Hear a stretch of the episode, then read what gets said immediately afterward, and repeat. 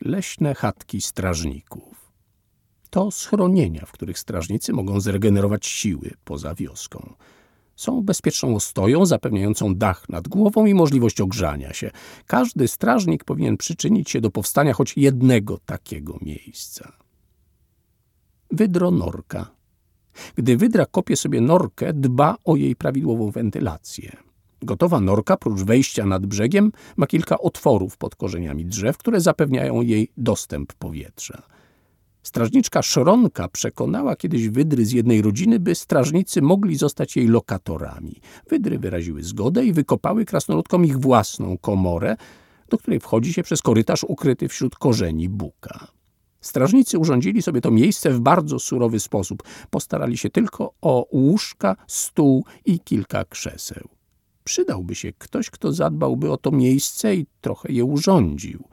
Wydry są bardzo gościnne i skore do psot chętnie też zabiorą strażników na wycieczkę po jeziorze na swoich grzbietach. Czajnik. Młody harcerz zgubił w lesie czajnik.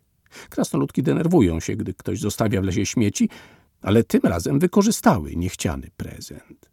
Inżynier z wierzbowego pnia wymyślił, jak wykorzystać ów czajnik. Wymierzył wszystko dokładnie, narysował w skali i długo projektował wnętrze i miejsca na drzwi i okno. W ten sposób powstała bardzo ciasna, ale za to niepowtarzalna chatka strażników. Wygodnie się w niej pomieszkuje dwóm krasnoludkom, ale od biedy i czwórka wciśnie się w niej jak śledzie w puszce. Ma nawet mały kominek w dzióbku i awaryjne wyjście przez pokrywkę. Dziupla. To bardzo klasyczne i popularne schronienie strażników. W celu stworzenia jej znajduje się dziuple, zapewnia do niej wejście i równą podłogę. Dalej już można kompletować mebelki. Czasami dziuple mają jakieś cechy szczególne, jak taras z okno z szybą z zastygłej żywicy, czy hamaki zamiast łóżek. Niestety do środka często włamują się nieproszeni lokatorzy, których trzeba wykurzyć albo ustalić czynsz. Pieniek. Pieniek to prezent od rodziny leniwego bobra, któremu krasnoludki spiłowały przerośnięte zęby. Bobry bardzo ładnie przycięły i częściowo okorowały pieniek, by posłużył za surowiec na chatkę.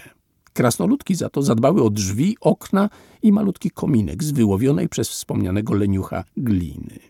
Ta bardzo przytulna chatka ma w środku nawet dywan, firanki i zestaw niebieskich talerzyków oraz filiżanek. Opona. Inżynier z wierzbowego pnia wykonał niedawno drugą chatkę ze śmieci. Postanowił wykorzystać dużą oponę od traktora, która zalegała od dawna na jednej z polan. Wyciął dziury na drzwi i okna, zadbał o ukrycie pod gałęziami i zaprojektował nawet mebelki do postawienia pod krzywą ścianą. To chatka, po której można chodzić w kółko, a w środku, to znaczy na zewnątrz, jest taras z miejscem na ognisko. Opona w swojej aktualnej formie ma zarówno gorących zwolenników, jak i zdecydowanych przeciwników. Ci pierwsi przekonują, że skoro i tak w lesie są porzucone opony, to należy coś z nimi zrobić.